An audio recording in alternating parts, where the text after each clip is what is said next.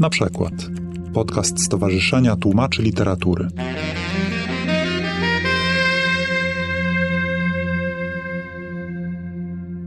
Dzień dobry, dobry wieczór Państwu. Ja się nazywam Urszula Kropiwiec i mam przyjemność wielką poprowadzić dzisiejsze spotkanie, rozmowę, dla której powodem jest właśnie książka. Ona się nazywa Album Albrechta, publicystyka, wspomnienia, żarty, wydana w tym roku w Bibliotece Więzi. Może powiem dwa słowa o tej książce, bo potem będziemy się do niej odnosić czy nawiązywać w naszej rozmowie dosyć luźno, a warto ją Państwu przedstawić.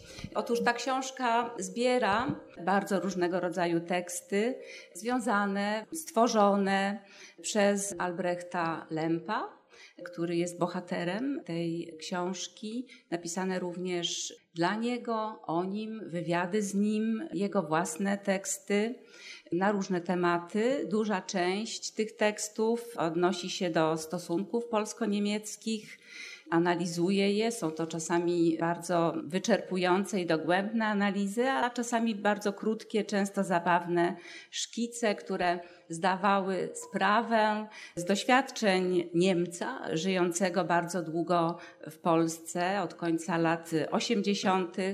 Te teksty powstawały aż do śmierci Albrechta w 2012 roku. Albrecht Lemp pracował w Deutsche Spolen Institut w Darmstadcie jako pracownik naukowy od 87 do 94 roku. Potem powrócił do tych polsko-niemieckich spraw jako dyrektor Fundacji Współpracy Polsko-Niemieckiej w latach 2003-2012. Duża część tekstów zawartych w tej książce odnosi się do innego, ważnego bardzo pola, na którym Albrecht niezwykle intensywnie i z wielką pasją działał, czyli polskiej literatury, promocji tej literatury, jego przekładów. Albrecht był przez całe życie tłumaczem polskiej literatury na niemiecki, ale również dowodził sekretariatem wykonawczym willi Decjusza w latach 94-97. Czasami o tym zapominamy, ale on był inicjatorem, twórcą tej instytucji, a potem założył słynny już zespół literacki Polska 2000 w 1998 roku, który przygotował tę wiekopomną prezentację polskiej literatury na Międzynarodowych Targach Książki we Frankfurcie w roku 2000. Od tamtego momentu, w 2001 roku, zespół literacki został wcielony do nowo utworzonego Instytutu Adama Mickiewicza, a potem z tego ciała, Ela, ty mnie poprawisz, jeśli to jakieś faktograficzne błędy popełniam, wyłonił się działający do dzisiaj Instytut Książki. I to jest ten kolejny obszar ogromny działalności Albrechta. Porozmawiamy głównie o literaturze i głównie o przekładzie. I zanim przedstawię Państwu moich rozmówców, to jeszcze chcę tylko wspomnieć o jednej niezwykle ważnej części tego albumu. Są to fotografie autorstwa Elżbiety Lęb. 30 przepięknych portretów Albrechta, które są takimi migawkami z jego życia od końca lat 70. do 2012 roku. A teraz już przedstawiam moich dzisiejszych rozmówców. Po mojej lewicy siedzi Elżbieta Kalinowska. Od początku istnienia Instytutu Książki aż do 2016 roku współkierowała tą instytucją. Aktualnie pracuje w grupie wydawniczej Foxal, gdzie jest wydawczynią literatury faktu i ma na swoim koncie jako tłumaczka 40 przetłumaczonych książek. W pocie czoła pracuje nad 41 i teraz musisz Ela rzucić kilkoma nazwiskami autorów, których przetłumaczyłaś, o ile pamiętasz pamiętasz. Dzień dobry Państwu. To jest y, głównie literatura autorów imigrantów bądź dzieci imigrantów. Ta literatura dosyć ważna w obszarze języka niemieckiego, nominowana do Deutscher Buchpreis, jak Melinda Nać-Aboni, jak Żuża Bank, jak Terezja Mora, ale też Elfrida Jelinek, którą na początku nienawidziłam, a potem pokochałam miłością wielką. A ostatnio tłumaczę głównie reportaż bo to jest coś, co mnie w literaturze najbardziej interesuje i teraz też tłumaczę trzecią już książkę Wolfganga Bauera. Z prawej mojej strony siedzi Liza Palmes. Liza Palmes przyjechała do nas z Niemiec, urodziła się w Münsterze w Westfalii. Studiowała filozofię i socjologię, ale również wyuczyła się zawodu fryzjerskiego w Wiedniu. Po czym postanowiła studiować polonistykę i germanistykę i zostać tłumaczką polskiej literatury na język niemiecki. Do dzisiaj przekładała Wojciecha Jagielskiego, Lidię Ostałowską, Filipa Springera, Justynę Bargielską, Joannę Bator, a ostatnio pracuje, jak rozumiem, jeszcze pracujesz nad księgami jakubowymi Olgi Tokarczuk. Wieczór, tak. Znaczy, zakończyłam przekład, to było razem z kolegą Lotarem Kwinkensteinem i skończyliśmy przekład Olgi Tokarczuk w lutym tego roku po ponadrocznej wspólnej pracy i teraz wylektorowany egzemplarz wrócił do nas i jeszcze teraz na tym pracowaliśmy, czyli oddaliśmy akurat tydzień temu. Jeden dzień za późno nawet i um, tak, te, teraz mogę powiedzieć, że praca na tym jest skończona. Przechodzę do Andrzeja Kopackiego, który jest najbardziej utytułowanym uczestnikiem tej rozmowy. Pracuje w Instytucie Germanistyki Uniwersytetu Warszawskiego, jest literaturoznawcą, redaktorem miesięcznika Literatura na świecie. Andrzej Kopacki jest poetą. Opublikował między innymi zbiory wierszy Stan Przejścia, Chanson de Geste, Kreski, Ande Ampel, Bisweilen, Andere Launen, inne kaprysy. Również napisał sztukę teatralną Kokaina. Napisał również monografię Hansa Magnusa Enzensbergera i wydał pod swoją redakcją jako współtłumacz tom jego wierszy Ausgewählte Gedichte. Pisał eseje i wydawał oraz nawet napisał wspólnie z Anną Górecką powieść pod tytułem Dwoje, wydaną w 2017 roku. No i tłumaczył na język polski między innymi takich autorów jak Brecht, Ben, Enzensberger, Grünbein, Krüger, Max Weber, Walter Benjamin i wielu, wielu innych. I na koniec Andreas Folk, który również jest tłumaczem polskiej literatury na język niemiecki mieszka w Warszawie. Andreas głównie przekłada polską współczesną dramaturgię. Ma na swoim koncie przekłady sztuk teatralnych Krzysztofa Warlikowskiego, Krystiana Lupy, Tadeusza Słobodzianka, Małgorzaty Sikorskiej-Miszczuk, Pawła Demirskiego. O, Zyty Rudzkiej tłumaczyłeś też dramaty, tak? Marty Górnickiej. Tak więc cała plejada współczesnej polskiej dramaturgii trafia na niemiecki rynek, na niemieckie sceny dzięki przykładom Andreasa Folka. I pomysł mój, Państwo mm, go wspaniałomyślnie zaakceptowali na tą rozmowę, jest taki, żebyśmy sięgali od czasu do czasu do zapisków, notatek, uwag, korespondencji Albrechta, Lempa, zgromadzonych w tej pięknej, bardzo ciekawej książce. I żeby to był może jakiś pretekst, czy taka nić przewodnia naszej rozmowy właśnie o tym, o przekładaniu literatury i o jej promowaniu, bo od tego tematu nie możemy uciec rozmawiając o Albrechcie. On nawet często używał takiego bojowego określenia walki o literaturę i tak też postrzegał swoją rolę jako tłumacza. Mówił o tym wielokrotnie, że tłumacz literatury to promotor literatury, to agent literacki, który walczy o swoich autorów i o swoje książki. Mam taki cytat, który o tym mówi. Pozwolą Państwo, że go przytoczę. Za słowo promocja biorę odpowiedzialność i używam go z całą świadomością. Stworzenie wizerunku danego kraju to przecież działanie marketingowe. Trzeba też pamiętać, że kultury tworzą rynek, na którym panuje konkurencja. Musimy więc umieć sobą zainteresować, pokazać się, czyli także sprzedać swoje wartości. Trzeba ponadto znaleźć swoich odbiorców, by to wszystko miało sens. Proszę pamiętać, że około 70% tłumaczeń jest opanowanych przez język angielski. Pozostałych 30% muszą się zmieścić i niemiecki, i francuski, i hiszpański, japoński, i wiele, wiele innych. Po tym widać, jak mało miejsca jest dla polskich tłumaczeń i jak silna musi być konkurencja. O literaturę w tym sensie trzeba umieć walczyć, a to oznacza także myślenie w kategoriach marketingowych. Co Państwo na to? Czy postrzegacie swoją rolę jako tłumaczy w podobny sposób? Jak to wygląda w waszej praktyce, waszej codziennej pracy? No ja nie wiem, no to jest bardzo trudne pytanie, bo mnie się wydaje, że w wypadku Albrechta to było tak, że ten przekład to była taka część większej całości. I to się brało chyba stąd, że on zaczynał u Dedeciusa. Dedecius był przede wszystkim tłumaczem, ale Dalibóg nie tylko i Albrecht też. W tym sensie to mu się składało w jakąś taką jedną całość i on był oczywiście wyjątkowy zupełnie. I dlatego, że jego terenem działania był kraj język, z którego tłumaczył. My tu w Polsce mieszkamy w kraju języka docelowego, więc to pewnie też ma znaczenie. I to po pierwsze.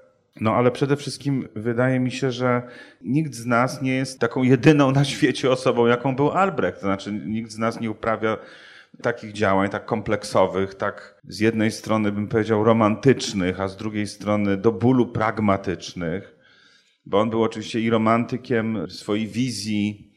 My go braliśmy za romantyka, nie wiedząc o tym, że jest romantykiem niemieckim, ale to znaczy nie w znaczeniu, że jest jakby potomkiem Nowalisa, tylko że, że jest zarazem osobą o niebywałym zmyśle, takim poczuciu realizmu i umiał bardzo skutecznie realizować swoje wszystkie plany. Natomiast no nie wiem, ja o sobie mogę powiedzieć, że no to pewnie miało przez tych wiele, wiele lat różne fazy. Kiedyś chodziłem z książkami do wydawców i prosiłem, żeby się zainteresowali i w tym sensie promowałem jakoś te tytuły, czy starałem się promować. Potem już wydawcy się odzywali do mnie. A teraz, kiedy już prawie nie tłumaczę, znowu jest tak, że no nie wiem, najważniejsza książka w życiu, jaką zrobiłem, ze wszystkich, to jest książka przekładowa. To jest Beniamin, źródło dramatu żałobnego w Niemczech. Wydawało mi się, że to jest dla mnie po prostu bardzo, bardzo ważna książka. I ja z nią chodziłem. Znaczy, ja po prostu szukałem wydawcy dla niej. Dzięki tu obecnemu Jackowi Burazowi udało się to zrobić, umieścić tę książkę w serii. I za nią chodziłem po prostu. No, potem nie, nie doczekała się ani jednej recenzji. Ale to już pewnie tak musi być u nas. No i, no i nie wiem, i chyba, chyba teraz rzeczywiście też tak jest, że jak coś bardzo mi się podoba jako projekt y, przekładowy, no to próbuję znaleźć wydawcę. Ale to są rzadkie wypadki. To nie jest tak, że przekład jest moim źródłem utrzymania głównym. Od czasu do czasu coś takiego robię. No, ostatnio przełożyłem Elza Lasker-Schiller, która wydaje mi się kompletnie zapoznaną, bardzo ważną poetką niemiecką i pisarką niemiecką. No i też szukałem dla niej wydawcy i pewnie znalazłem. Więc to jest pewnie bardzo różnie u nas wszystkich. Ja może troszeczkę inaczej na to spojrzę, ale to ostatnie 10 lat tłumaczenie było moim jedynym źródłem utrzymania, więc musiałam jakby chodzić swoimi książkami, przeważnie na początku, kiedy zaczęłam i nikt mnie nie znał i można też powiedzieć, że najwięcej w wydawnictwach też nazwiska polskich autorów tak na pierwszy rzut oka ludziom nic nie mówią. Więc tak, i oprócz tego jest tak, że, że jest parę wydawnictw, które wydają polskie tłumaczenia, ale bardzo duża część jednak nie, więc trzeba tam rzeczywiście się angażować, pokazywać, wytłumaczyć, dlaczego warto spróbować. I jednak zdarzają się takie przypadki, że ostatnio dowiedziałam się, że taki kryminał, którym się przed paru laty interesowałam, że wydawnictwo e, chciałoby go wydać, ale uważa, że jest może szybciej, łatwiej i taniej, żeby wydać tłumaczenie z angielskiego. Jakby Polska była krajem na jakiejś dalekiej wyspie i nie ma żadnych tłumaczy bezpośrednich. Jak coś takiego słyszę, to widzę, że jest jeszcze mnóstwo pracy przed nami. I nie wiem, czy kiedykolwiek coś się zmienia. Dlatego uważam, że rzeczywiście jest takim językiem jak polski, albo może z wszystkimi językami oprócz angielskim, trzeba jednak promować, chodzić i być y, też agentką literacką. A ty, Elu? A ja będę mówić chyba trochę bardziej teraz z pozycji. stoję w takim trochę rozkroku. Z jednej strony jestem tłumaczką, ale to dla mnie też zawsze było zajęcie dodatkowe i nigdy nie było moim głównym źródłem utrzymania. Przez lata się zajmowałam promocją literatury polskiej za granicą, co mi zostało, bo chodzę teraz i usiłuję przekonać niemieckich wydawców, żeby wydali Zyterucką powieść, nie dramaty. Ale od trzech lat robię to, co zawsze chciałam robić w życiu, czyli książki wydaję. I ten rozkrok jest dobry, żeby złapać jakąś taką perspektywę. Wydaje mi się, że kluczowym dzisiaj w tym cytacie, który przytoczyłaś, jest słowo konkurencja. I nie wiem, kiedy ten tekst był pisany, ale jeśli popatrzeć na rynek dzisiaj, to te 70% literatury anglojęzycznej to teraz jest znacznie więcej, dużo więcej. I niestety jest też tak, z niemieckim akurat, bo specjalnie na okoliczność tego spotkania przyjrzałam się propozycjom, które do nas spływają. Propozycjom od agentów, propozycjom od skautów. I właśnie znakomita większość to są teksty napisane po angielsku z obszarów anglojęzycznych, różnych, również z Kanady, również z Australii. Potem jest literatura szwedzka, czy też szeroko pojęta skandynawska, bo Norwegów też jest stosunkowo dużo. Potem długo, długo nic. Francuzi, Hiszpanie, znowu długo nic i Niemcy. Tego jest bardzo mało, tego co do nas dociera. To jest jakby jedna smutna strona. A druga jest też taka, że my nie mamy kontaktu z tłumaczami, to znaczy oni nie przychodzą. Chciałam o to zapytać właśnie. Czy... Znaczy, może ja mam mniejszy kontakt z tłumaczami, dlatego że, że jednak wydaje dosyć specyficzny gatunek, jakim jest literatura faktu, więc y, to ja muszę szukać tłumaczy dla tych rzeczy, ale też nie mam takiego wrażenia, jak rozmawiam z kolegami, żebyśmy dużo odważniejsi są tłumacze z angielskiego. Może dlatego, że mają większe szanse. Znaczy sama cierpię mówiąc to, ale tak jest po prostu. W tym sensie te dwa kluczowe słowa to jest rzeczywiście konkurencja i niestety walka też. Andreas, czy chciałbyś coś dodać do tego? Ja tylko mogę powiedzieć, z tą konkurencją to jest rzeczywiście tak, że po prostu ja mam wrażenie, że wcześniej może wystarczyło, że po prostu, że to jest świetna polska książka, a teraz jest dosłownie właśnie, że to musi być nadzwyczajna, dobra książka, która się właśnie na tle światowej literatury się jakoś różnia czymś. W każdym bądź razie, jak ja rozmawiam z wydawnictwem, to, to właśnie nie wystarczy, że to jest książka, która robiła właśnie wielkie wrażenie i jest w centrum dyskusji literackiej w Polsce. Pytanie jest, ale coś podobnego już u nas to już było, albo mamy to coś podobnego właśnie no, z innego kraju, z innej literatury. Sam fakt, że to jest ciekawy właśnie przykład dla polskiej literatury w ogóle nie wystarczy. I ja mam wrażenie, że właśnie no, to jest ta konkurencja, o którym Albrecht już 12 lat temu, chyba to jest ten cytat, e, pochodzi z wywiadu 12 lat temu, to już był, miał tą świadomość, że nie wystarczy, że to jest po prostu y, zwyczajnie dobra literatura. Tylko dodam, to musi być Booker, prawda? Tak, to musi być Booker, albo to musi być właśnie no, dziewczyna, która ma 14 lat i jest y, ślepa, ale pisała właśnie no, książkę, mimo tego, że jest z patologicznej rodziny i takich znaczy, podobnych. To, to muszą być po prostu już rzeczy, które można marketingowo, i, i, i Albrecht też dużo mówi o marketingu, można sprzedać. I to są takie około literackie kryteria, które najważniejszą rolę, ja mam wrażenie, teraz grają. Jeżeli na przykład ja mam właśnie no, najgłupszy właśnie przykład zawsze jest właśnie nazwiska tych polskich autorów jeżeli autor nazywa się Klimko Dobrzaniecki, no to ja powiem po prostu, że nie ma nic przeciw temu, że, że to jest po prostu Klimko i nic więcej. Na szczęście no, Hubert to jeszcze pół biedy, ale są po prostu no, cięższe przypadki. Ja jeśli mogę tylko a propos tego, co Ela powiedziała, bo jakoś tak wróciłem myślą do początku lat 90 do Albrechta, kiedy on przyjechał i żeśmy strasznie jęczeli wtedy, pamiętam, że tu wolność już jest i że my możemy tłumaczyć i że tego, że nikt nie chce tych Niemców w ogóle, ci Amerykanie, ta sama melodia, tylko właśnie te 20 parę lat temu.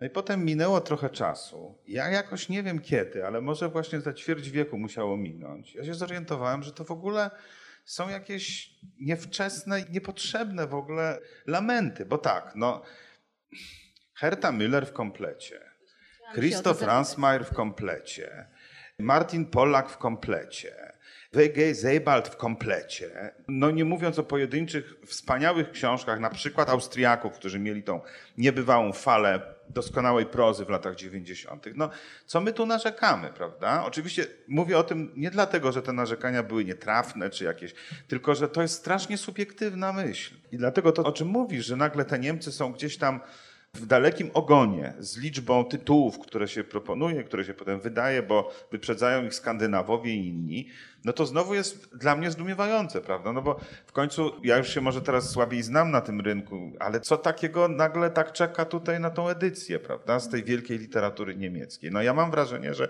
dzięki takim inicjatywom, jak na przykład seria, którą Jacek Buras prowadził, Kroki, no myśmy zrobili nieprawdopodobnie dużo w parę lat. No i teraz bym chciał usłyszeć właśnie, kto tutaj nagle tak się nie może dostukać do polskich wydawnictw, żeby został wydany po polsku. Który wielki autor? No my ich mamy, no. No tak, ale, ale to właśnie ten przykład właśnie no kroki, to jest po prostu no, subwencjonowana właśnie literatura. I bez tej subwencji, bez odpowiedniej polityki kulturalnej, no to po prostu bardzo mało się dzieje, bardzo mało jest przykładów bez dotacji, bez zaangażowania w jakichś instytucji albo fundacji, albo państwowych że wydawnictwo właśnie no, sam inwestuje w polski autor, w tym, teraz w drugim przypadku, no to jest po prostu Rzadkie. rzadkość. Poza tym jest jeszcze ta kwestia recepcji, ta recenzja, której nie doczekał się Beniamin, Mm. prawda? Ja, ja się odniosę do tego, co ty mówisz, bo no właśnie, tutaj jest jakby kilka kwestii. Pierwsza to jest taka wielcy, wielcy autorzy, wielcy klasycy. A ja się pytam, ta taka najbardziej współczesna, to gdzie ona jest? Tego trochę jest mało. Bardzo dobrze się ma literatura dla dzieci i literatura młodzieżowa. To jest super. To rzeczywiście jest, jest bardzo mocna strona tej literatury. Właściwie to powinna była zacząć od czegoś innego. Przepraszam, że mówię nieco chaotycznie. Był czas bardzo dobry, ale rynek się teraz mocno zmienia.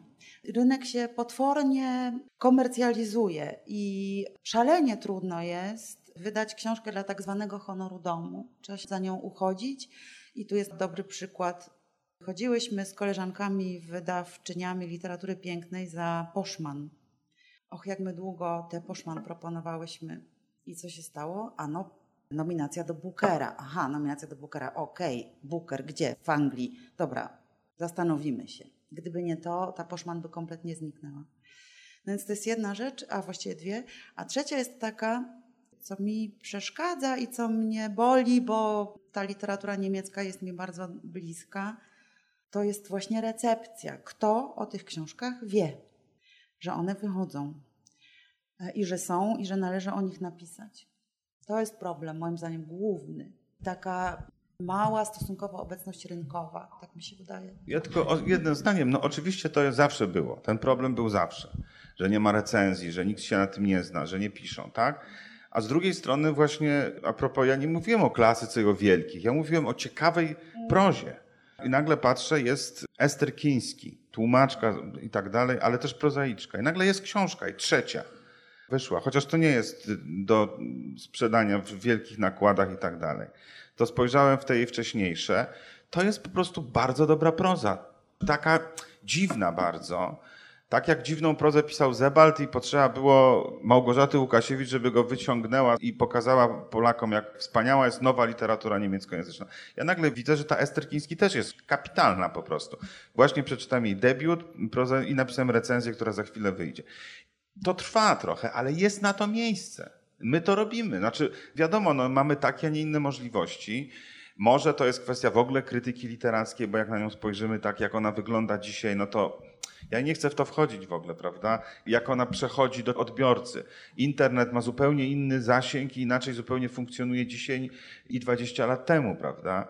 Inaczej funkcjonują te literackie pisma, takie duże, miesięczniki i tak dalej. Więc to wszystko jest ogromny temat z zakresu, nie wiem, socjologii literatury pewnie. Ja nie umiem nic o tym powiedzieć, ale wydaje mi się, że no właśnie te perspektywy są bardzo różne i czasami one, jakby ich odmienność też sprawia, że ten nasz obraz jest straszliwie niejasny. No. To bardzo płynnie przechodzimy do mojego drugiego pytania o misję właśnie e, i o ten XXI wiek, bo o tym zaczęliście już mówić, o otoczeniu, kontekście, warunkach, w jakich pojawiają się te wypracowane przez Was, przez nas, wypieszczone przekłady. Albrecht pisał, mówił o tym w ten sposób na pytanie, jaką dzisiaj widzisz perspektywę dla promocji naszej literatury. On mówił: Jestem szalenie ciekawy, na ile Instytut Książki, my wszyscy potrafimy znaleźć do tego inne podejście właściwe dla XXI wieku. Zauważ, że generalnie na świecie spada liczba tłumaczeń. Być może książka i literatura nie odgrywają już tak wybitnej roli w dialogu międzynarodowym, być może ten dyskurs odbywa się gdzie indziej w internecie, w czasopismach, ale nie w klasycznie rozumianej literaturze. Nie mówię, że nie będzie już dobrej literatury i nie będzie literatury tłumaczonej. Będą na pewno, bo tłumacze, tak samo jak pisarze, zawsze czują swoją misję i niezależnie od tego, czy ludzie czytają, sami piszą i tłumaczą. Ale znaczenie tej działalności będzie inne niż w przyszłości. Czy macie jakieś diagnozy? Ja oczywiście bardziej jak czytałaś te słowa, to bardziej myślałem o nim niż o tym, co on mówi, bo pamiętam go po prostu jako człowieka, który był tak kompletnie pozbawiony złudzeń. Jeśli chodzi o diagnozy społeczne, kulturalne, literackie, on był po prostu realistą do bólu. Czasami to mogło nawet pobrzmiewać jakimś takim pesymizmem, ale on po prostu był realistą. On nigdy nie budował jakichś wizji utopijnych i tak dalej. Jak padało pytanie o przyszłość, to on najczęściej mówił, no tutaj chyba muszę cię rozczarować, ale. I jednocześnie był człowiekiem, no właśnie, można użyć słowa misja, on też jej użył, ale tak. sam na pewno o sobie w życiu tak by nie powiedział, że to jest jakaś misja. To jest za wysokie słowo. On nie używał wysokich słów. To jest robota. On tę robotę uważał za sensowną głęboko, za potrzebną, jednocześnie nie przerysowywał tych znaczeń wszystkich. Tak, no, widział tak, a nie inaczej rolę książki, znaczenie przekładu, funkcję promocji i to wszystko się składało w jakąś całość, z której wyrastała jego aktywność, bo on uważał, to akurat jest sensowne, to trzeba zrobić, trzeba powołać do życia Willę Decjusza, trzeba powołać do życia Instytut Książki, ale potem się nudził, robił coś nowego, przyznawał, że on się nudzi czasami tego, ale no, on był jakby taką, to, to trudno w ogóle się do tego odnosić, prawda, co on tutaj powiedział, dlatego my wszyscy zamilkliśmy. No. Ja myślę, myślę raczej o nim niż o tych jego słowach, bo to były jego słowa, on to wtedy mówił, potem może by nazwał to zupełnie inaczej. Nie ma chyba co tego analizować w tej chwili. No. To jest raczej tak, że to, no, że za tym wszystkim, za każdym z tych zdań stoi Albrecht z tą swoją wyjątkowością, pragmatyzmem, szczyptą romantyzmu, niebywałą skutecznością działania i po prostu wyjątkowością. Ja nie wiem, ja ten cytat też nie wiem dokładnie, jak to zrozumieć, czy to jest po prostu tylko właśnie, że chodziło mu o to, że przekład na przykład w PRL, powiedzmy południowej amerykańskiej literatury miał takie bardzo ogromne znaczenie w pewnym określonym czasie, czy nie wiem, jak to w Niemczech to rozumieć. Ja po prostu rozumiem ten cytat tylko, że misja to jest właśnie no, takie podniosłe słowo, które trzeba może zastąpić przez działanie. Trzeba po prostu no, dużo właśnie wysiłek inwestować, żeby to, co właśnie no, wydawało mu się sensowne i co nam chyba się wydaje sensownie, żeby po prostu no, przekład trafi e, do Polski czy do Niemiec i istnieje i ma tam swoje życie, że po prostu trzeba dużo właśnie no, pracy. To jest po prostu dla mnie jakiś że, że teraz jest internet i że są inne kanały i że nie ma jakiegoś monopolu, że przekład teraz e, można łatwo generować przez Google Translate e, i, i można czerpieć tam informacje, które się szuka. No to jest otoczenie, które się zmieniło tak samo jak otoczenie w ogóle tłumacza się bardzo zmieniło. To, co właśnie no, przyjdzie mi do głowy, jeżeli ten cytat właśnie no, słyszę, ale no ten Albrechta pragmatyzm, on rzeczywiście był niezwykle romantyczny. To na to mam jeszcze jeden taki krótki cytat, który bardzo lubię. On mówi: nie od razu komputery pojawiły się w naszych domach, jednak nie zapominajmy, że siedzimy w centrum bogatego świata. 90% ludzi na naszym globie nie jest tak bogatych, żeby mieć czas i pieniądze na czytanie książek, a więc 90% świata jest jeszcze do zdobycia. Ile jest języków na świecie? Około 5 tysięcy. A na ile dotąd przełożono twórczość przykład Ryszarda Kapuścińskiego? Na ponad 30. To widzi Pani, jak dużo jeszcze mamy do zrobienia, by przekonać 90% świata do literatury polskiej. Ale to też nie do końca jest, y, znaczy nie sądzę, żeby na przykład, a nawet wiem to, że nie ma tłumacza z polskiego na Bengali. Natomiast tutaj wyjątkowo się zgadzamy. Z Andrzejem i z Andreasem chyba też, ale myślę sobie, znaczy misja z jednej strony, misja też bym tego nie nazwała misją, no bo to jest praca, no dla każdego z nas to jest praca. Jeden konstruuje samochody, a inny przekłada. I nie mam takiej obawy, że tłumacz nie będzie potrzebny albo że będą to za nas robić maszyny, no bo książek też nie będą pisać maszyny. To będzie może zajęcie bardziej elitarne i już nie będzie mowy o czymś takim jak tłumaczenie kultur, bo te sobie wytłumaczymy w inny sposób, tylko jak przyglądanie się rzeczom, które są świetne i powinny być wszędzie. Jakoś tak. Więc to się zmienia, ale nie byłabym tu pesymistyczna. Chyba też nie ma pesymizmu w tym, co mówi Albrecht y, i w tych cytatach, które ja przytaczałam. To raczej jest właśnie też taka próba popatrzenia, co było dla niego takie charakterystyczne i twórcze niezwykle, popatrzenia zawsze inaczej z wielu różnych stron na to, co się robi. W jego przypadku akurat o, tutaj chodziło o ten przekład i o tą promocję literatury. Ja miałam zamiar zapytać Was może o próbę takiego małego podsumowania po tych y, powiedzmy 20 latach działań na rzecz promocji polskiej literatury w Niemczech. Jak oceniacie jej sytuację dzisiaj? Trochę już żeście zaczęli na ten temat mówić. Lizo? Tak. Um, znaczy ja jestem teraz po 10 latach pracy i już właśnie, tak jak już mówiłam, myślę, że bez własnej promocji ulubionych autorów i książek nic nie jest możliwe. I też zauważyłam, że parę lat temu zorganizowałam w współpracy z Polską Księgarnią w Berlinie takie cykly spotkań, żeby przedstawiać polskich autorów, bo zauważyłam, że jednak taką osobą, która dużo wie i znaczy żywą osobą, która mówi i nie tylko jest podsumowaniem leżącym gdzieś na biurku, można wiele więcej osiągnąć i rzeczywiście to działało.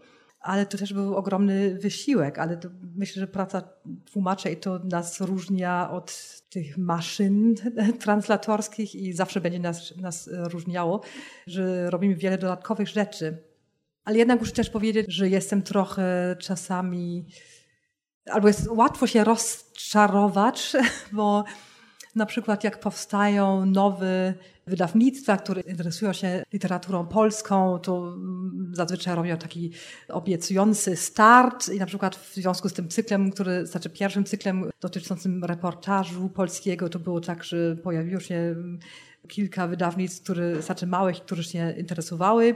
I oczywiście każde wydawnictwo się cieszy, jeżeli są dotacje, na przykład Instytutu Książki, bo wtedy łatwiej mogą tłumaczyć i wydawać te książki.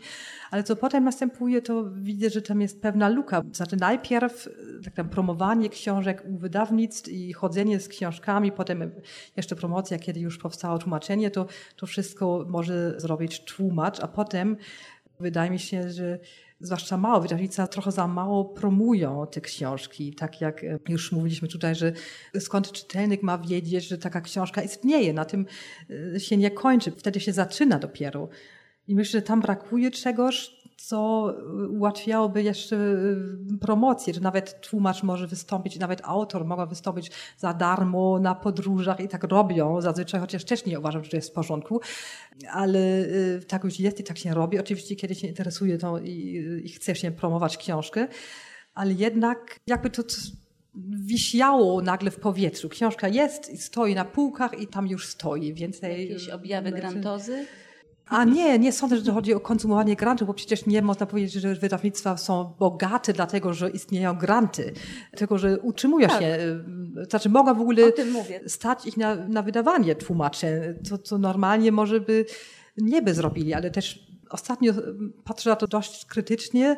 Z drugiej strony jestem świadoma, że bez grantów połowa tych tłumaczeń może nie powstałaby nawet. I to jest trochę, pytam się, co z tym zrobić. tak.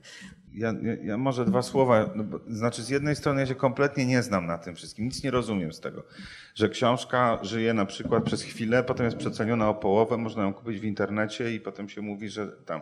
No, ja tego nie rozumiem po prostu. Z drugiej strony, nie wiem, są takie jakieś rzeczy, że. No nie wiem, ja na przykład jakimś dziwnym trafem, no właśnie. Mm, trzy książki wydałem w tych Niemczech i w Austrii, a potem dopiero miały swoje premiery w Polsce, bo tu nie mogłem znaleźć wydawcy. Nie mogę znaleźć wydawcy na, jednego z największych poetów niemieckich swojego pokolenia, czyli Dursa Grünbeina. Nikt nie jest zainteresowany. Żadne wielkie wydawnictwa, które się szczycą swoją wysoką ambicją literacką, no ja nic z tego nie pojmuję. Natomiast ponieważ nic nie pojmuję, to nie będę dalej o tym mówił. Natomiast chcę powiedzieć jeszcze słowo o Albrechcie, bo tak jakoś mi też to przyszło do głowy, że powinniśmy to może w tym kontekście powiedzieć. Że Albrecht miał niesamowite poczucie humoru i był obdarzony taką ciepłą ironią i miał dystans do tego, co robi, jednocześnie robiąc bardzo dużo i z całym zaangażowaniem. Jak on pisze, czy tam mówi, że tłumacz zawsze będzie miał poczucie misji tego, co robi, to ja słyszę, jak on się śmieje. No tak, i że będzie tłumaczył Bo tłumacz oczywiście wszystko. w życiu nie będzie miał żadnego poczucia misji, bo to nie jest żaden ksiądz misjonarz, tylko po prostu człowiek od strasznie czarnej roboty. Jeżeli on się chowa w ogóle za tą, za tą swoją robotą, żeby nie być za bardzo w światłach, y, co jest oczywiście ze szkodą dla. Nie, nie, to się zmienia, Tak, ale, to się zawsze, zmienia ale tak zawsze Tak, było, tak. prawda? To się na szczęście zmienia. Więc w ogóle. No, to chciałem tylko dodać, bo to chyba też nie powinno nam umknąć, no, że jak on mówi o tych pięciu tysiącach języków i o Kapuścińskim, to przecież on sobie Żartuje. No- no, tak. żartuje sobie, żart. no, więc- Jasne. No, może sobie żartuję, dlatego że skoro trudno jest nam się przebić w Niemczech albo w Stanach, no to Możemy rzućmy się tak, na e, te, jakieś inne rynki. na Tak. te inne rynki. Tak. Co zresztą Instytut Książki robi, robił. Przecież co jakiś czas były takie, a to mamy rok polski w Gruzji. To staramy się wydawać polskie książki po gruzińsku. Wprawdzie jest tylko jeden tłumacz, a właściwie to pół tłumacza, ale, ale dobra, to wydawajmy go. Albo ma, jesteśmy gościem honorowym w Indiach. Na hindi tłumaczy Zaraz, jedna tłumaczka mi przychodzi do. No, może dwie osoby albo trzy, ale wydawajmy te książki. No, tylko pytanie, co z tego? No tak, to zadałeś bardzo trudne i filozoficzne pytanie. Nie wiem, czy ktoś z Państwa chce odpowiadać na, się te- nie da na na, nie na to pytanie, co z tego, co Chyba wynika z tego, że się nie tłumaczy książki. Nie. Czy z tego, że się tłumaczy, nie wynika jeszcze nic, moim zdaniem, Tak. dla istnienia literatury danej w danym kraju. Ja wiem, że to, co mówię, jest szalenie niepopularne, Też bym się nie zgodziła. ale, y, ale dopóki ta książka nie dotrze do czytelnika, nawet jeśli to będzie rzeczywiście pół czytelnika, okej, ale dopóki ona do niego nie dotrze, i nie mówię o tym pierwotnym czytelniku, jakim jest tłumacz, żeby była jasność, no to co z tego, że ona jest przetłumaczona? Ale to jest, moim zdaniem, to też jest po prostu problem, że dużo właśnie, jeżeli chodzi o, o, o Niemcy, że po prostu dużo właśnie no, dużych wydawnictwa literackie w Niemczech cofali się właśnie z wydania polskiej literatury. Jest jeszcze Surkamp, który wydaje od czasu do czasu. Hanze to już nie wiem, to e, jeszcze Herberta to, to, to wydali właśnie. No, jest jeszcze Rowold, ale jest mniej, mniej tych dużych wydawnictw, które potem właśnie też dostają właśnie no, e, swoje recenzje, bo zwraca się uwagę na te wydawnictwa. Są to pojedyncze przypadki, że to są właśnie no, mniejsze wydawnictwa, które nie automatycznie są recenzowane w tych miarodajnych publikacji. To jest jedna rzecz i, i czemu to jest tak, to mi się wydaje, to też jest po prostu, że jeżeli chodzi o Niemcy, to ubyło dużo tych starych tłumaczy. No, nie tylko właśnie Albrecht Lemp odszedł, to też Dorin Daume, Friedrich Krise w ostatnich latach, Karin Wolf, też Martin Polak już nie prawie tłumaczy, tak samo jak Ester Kiński. Także to są właśnie osoby, które mieli taki standing, że też byli w stanie właśnie no, sprzedać dużym wydawnictwu książkę. O wiele łatwiej niż to pokolenie, które dopiero teraz wchodzi w tą lukę. I moim zdaniem to jest taka jakaś luka. Nie, nie, nie była taka ciągłość. Jest mało właśnie, był właśnie no, Albrecht Scheffing właśnie no, wydał, to teraz jest Dąbrowski tam, ale, ale oprócz tego to, to, to mało tam się dzieje w tych prestiżowych wydawnictwach, jeżeli chodzi o polską literaturę. A może to po prostu jest tak, że po 89 roku byliśmy siebie bardzo ciekawi nawzajem. Mówię o, i o rynku polskim i o rynku niemieckim, a potem się to jakoś tam wysyciło. No i teraz tak sobie jest, jak jest wszędzie. No tak, Polska oczywiście miała swoje 10 minut i to minęło. No to teraz to Ale, trzeba nie, ale prostu... Niemcy tutaj też, y, no bo tak jak cała ta literatura z zachodu, myślę sobie.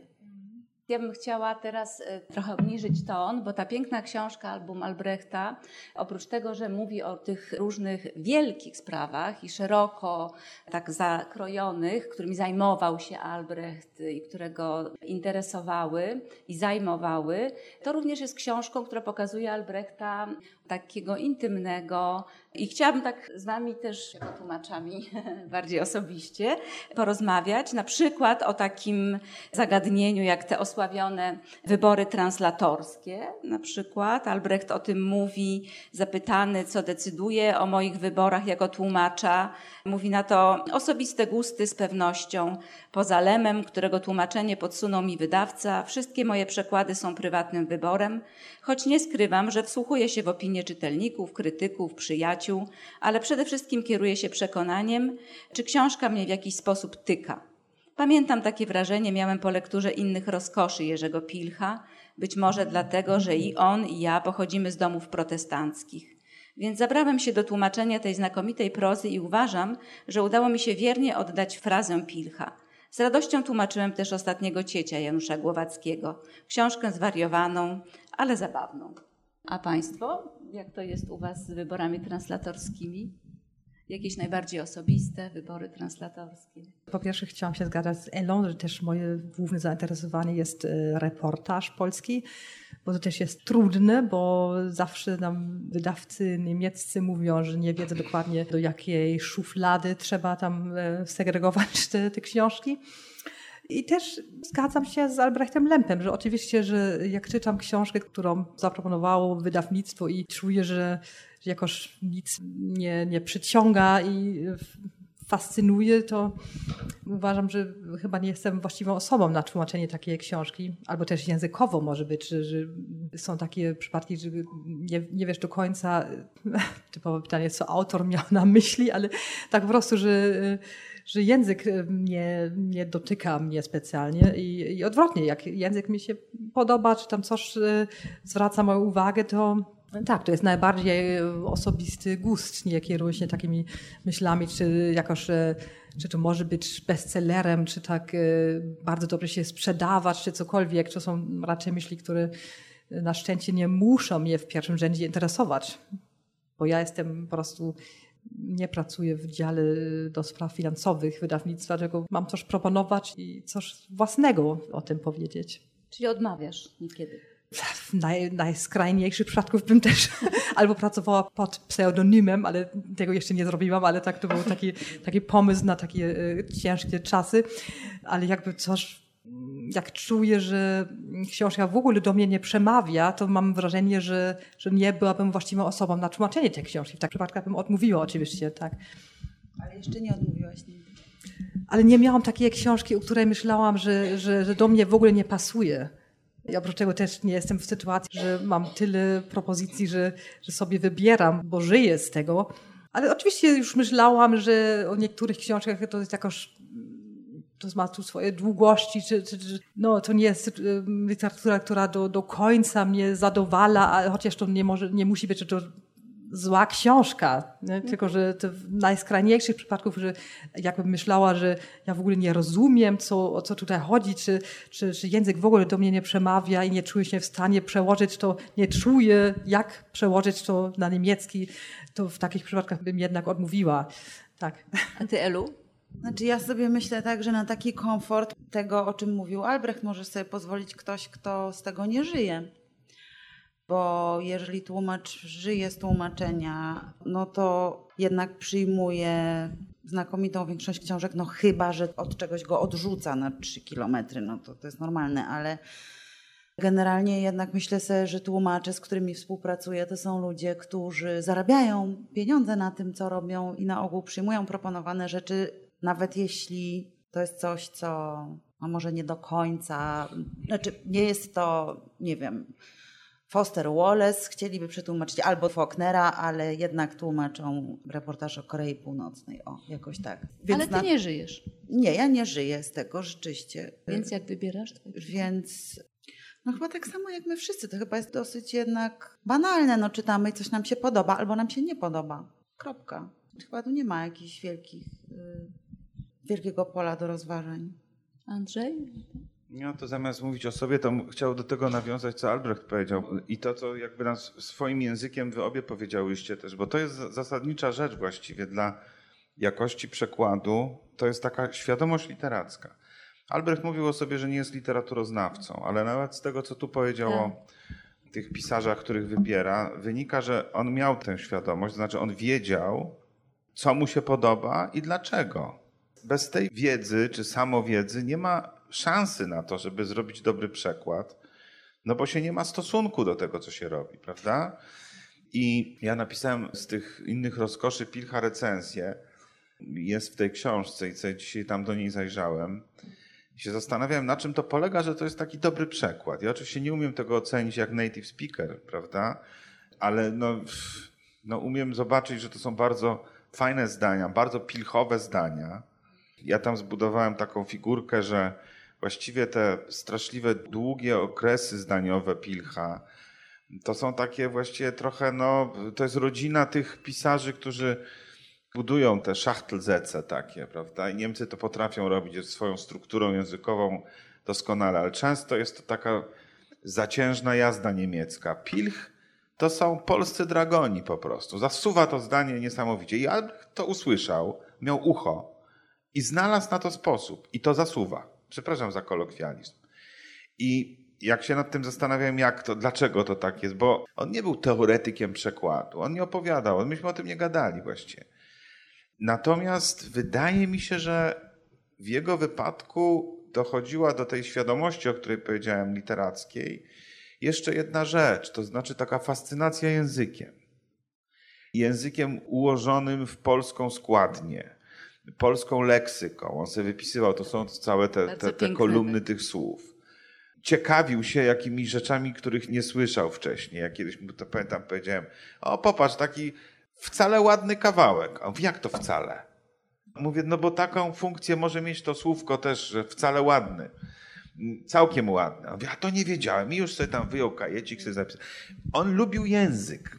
On był zresztą chyba lingwistą. I moim zdaniem stąd płynęło jego, takie wsłuchanie we frazę i stąd płynęła jego kreacja językowa i stąd płynęły te pilchowe enumeracje takie składniowe w takim lekkim, potoczystym stylu, co akurat no, sprawiło mi frajdę, że nie znając się w ogóle na przekładzie z polskiego na niemiecki, mogę napisać to w tej lekkiej recenzji.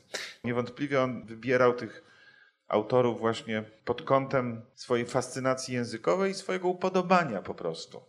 Nie patrząc na to, czy to modne, czy niemodne i tak dalej.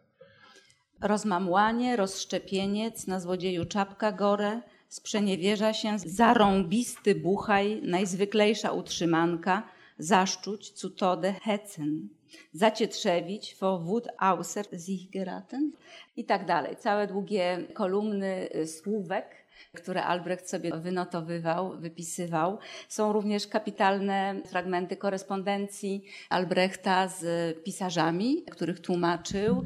Jego takie niezwykle poprawne, nieskazitelnie powiedziałabym, redagowane i napisane listy. Nawet jeśli to są e-maile czy faksy, to one mają zawsze tą swoją formę.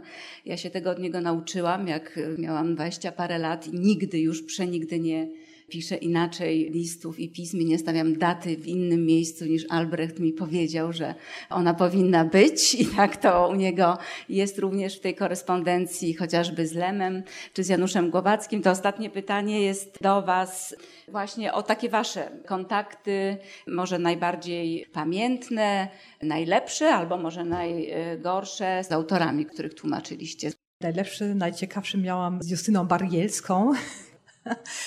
małe lisy przetłumaczyłam i ona najpierw w ogóle nie chciała, żebym w ogóle nie lubiła, że pytałam różne rzeczy w mailach i stwierdziła, że muszę to sama rozumieć i po prostu tak tłumaczyć, jak ja sobie myślę, jak to jest i może miała rację. Z drugiej strony uważam, ona, wiadomo, że ona składa swoje teksty z różnych informacji, na przykład z gazet, na które trafia w ciągu dnia i chciałam wiedzieć, jakie to były, bo to mnie interesowało, po prostu warsztat bardziej niż rzeczywiście, czy ja rozumiem to samo jak ona. Więc zaprosiła na weekend do Warszawy, bo miała dość moich maili. I rzeczywiście to było bardzo ciekawe. I jednak było tak, że chyba zrobiłam z tego przykładu to, co ja zrozumiałam. Oczywiście nie starałam się na siły naśladować, co ona miała na myśli, ale to rzeczywiście to był taki bardzo dobry warsztatowy weekend. I myślę, że bez tego przekaz nie byłby e, tak udany, jak teraz uważam, że jest. Potem jeszcze inny tłumacz jako lektor się tym zajmował, jeszcze e, mieliśmy inne dodatkowe pomysły. To wszystko bardzo pomagało, bo to są teksty, które żyją z tego, że im więcej ludzi dodaje swoje skojarzenia, tym lepiej. I to mi bardzo pomagało, że tak razem pracowaliśmy nad skorzeniami. I właściwie też było, że podczas tej pracy to ona już sama e, spojrzała inaczej na rzeczy, które wtedy pisała. I to był po prostu taki, taki żywy proces. To było dla mnie bardzo ciekawe. A ty, Andreas, ty masz blisko do polskich autorów? Najfajniejsze oczywiście to są właśnie no, spotkania z autorami, z którymi też się przyjaźnię. Po prostu jest to no, bardzo fajny kontakt, który nie tylko dotyczy tekstu, ale który po prostu też e, w każdej chwili może być e, tematem. Ja pamiętam bardzo fajną właśnie takie przeżycie było dla mnie właśnie jak tłumaczyłem libretto Szykowskiej Miszczuk do opery Pawła Mikietyna Czarodziejska Góra i to wtedy jak tłumaczyłem ten tekst no, na podstawie właśnie no, e, mojego tłumaczenia, potem właśnie Paweł pisał operę. I potem właśnie spotkaliśmy się i to było po prostu dla mnie zupełnie coś innego i nowego, że on mi śpiewał to, co właśnie no, tłumaczyłem no, i grał właśnie no, na pianinie i po prostu pytał mnie, czy tak dobrze to właśnie on śpiewał, nie znając niemieckiego i czy akcenty są porządnie. A potem właśnie dostałem właśnie no, dużo telefonów w trakcie jego pracy, w których on mi po prostu nucił przez telefon i prosił mnie, żeby dostosować tekst. I to było dla mnie zupełnie jakieś e, fantastyczne doświadczenie. Najgorsze właśnie no to są oczywiście autorzy, które myślą, że znają bardzo dobrze e, język i chcą mieć kontrolę, chcą redagować i bardzo dokładnie porównają teksty i się dziwią, że tak różnie są. Albrecht tu pisze o swoim przerażeniu, kiedy tłumaczył Lema i czekał na jego recenzję z przekładu na niemiecki, bo Lem niemiecki świetnie znał. Andrzej? No ja się też zaprzyjaźniłem z paroma pisarzami, najbardziej z tymi nieżyjącymi. nie, żartuję oczywiście.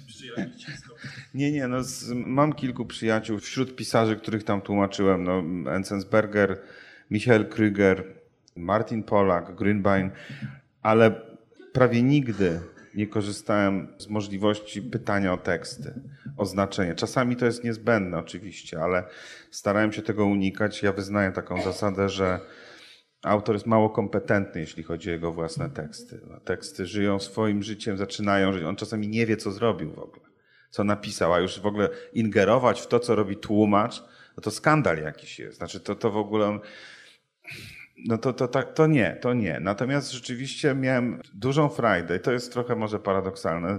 Z drugiej strony, bo ja się przyjaźniłem bardzo z Dorin Daume, która tłumaczyła te moje rzeczy na niemiecki i ona po prostu kompulsywnie pisała do mnie z pytaniami.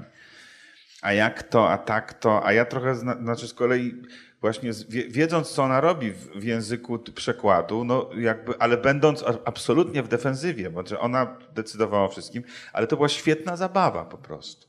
Tylko pod warunkiem, że to jest świetna zabawa, wolno to robić, wydaje mi się. I rzeczywiście w tym sensie to bardzo dobrze wspominam. No.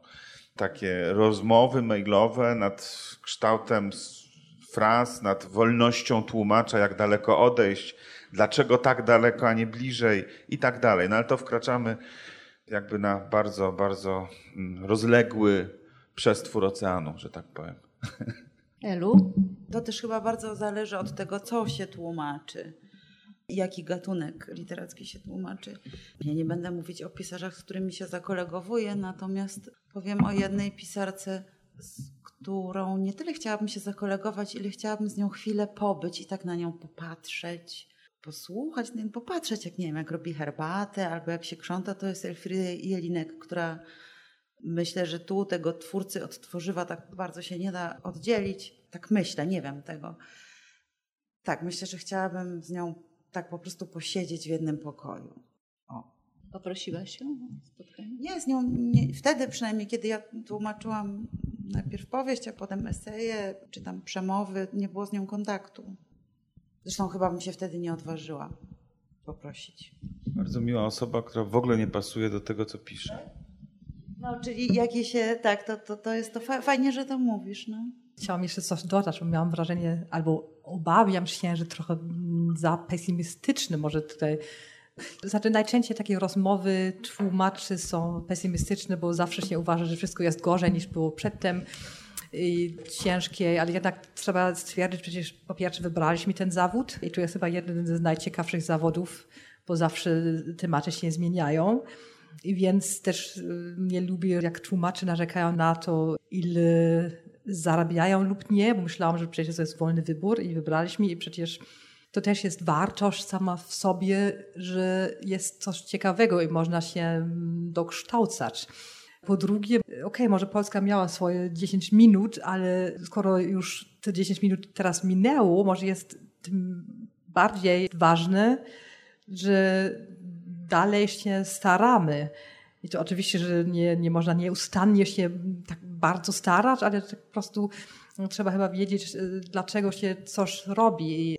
No i że nie jest łatwe, to nie jest znak, że trzeba zrezygnować. Chciałabym, żeby to jednak ta rozmowa miała jakieś pozytywne zakończenie. Przecież istniejemy, można z tego nawet przeżyć jeszcze się tego jako drugi zawód tłumaczyć, że się też ma taką swoją zaletę, bo wtedy jest się w stanie odmawiać niektóre rzeczy, to też wszystko ma swoje dobre strony, myślę i nie chciałabym, żeby to brzmiało za tak pesymistyczne w tych... Ale chyba tak nie zabrzmiało, nie wiem co Państwo o tym sądzą, no ten cytat z Albrechta, że tłumacze i tak zawsze będą tłumaczyć i pisarze i tak zawsze będą pisać, może posłużyć jako takie podsumowanie tej rozmowy. Ja Państwu bardzo podziękuję. Elżbieta Kalinowska, Liza Palmes, Andrzej Kopacki i Andreas Folk. Bardzo dziękuję. Wysłuchali Państwo na przykład podcastu Stowarzyszenia Tłumaczy Literatury.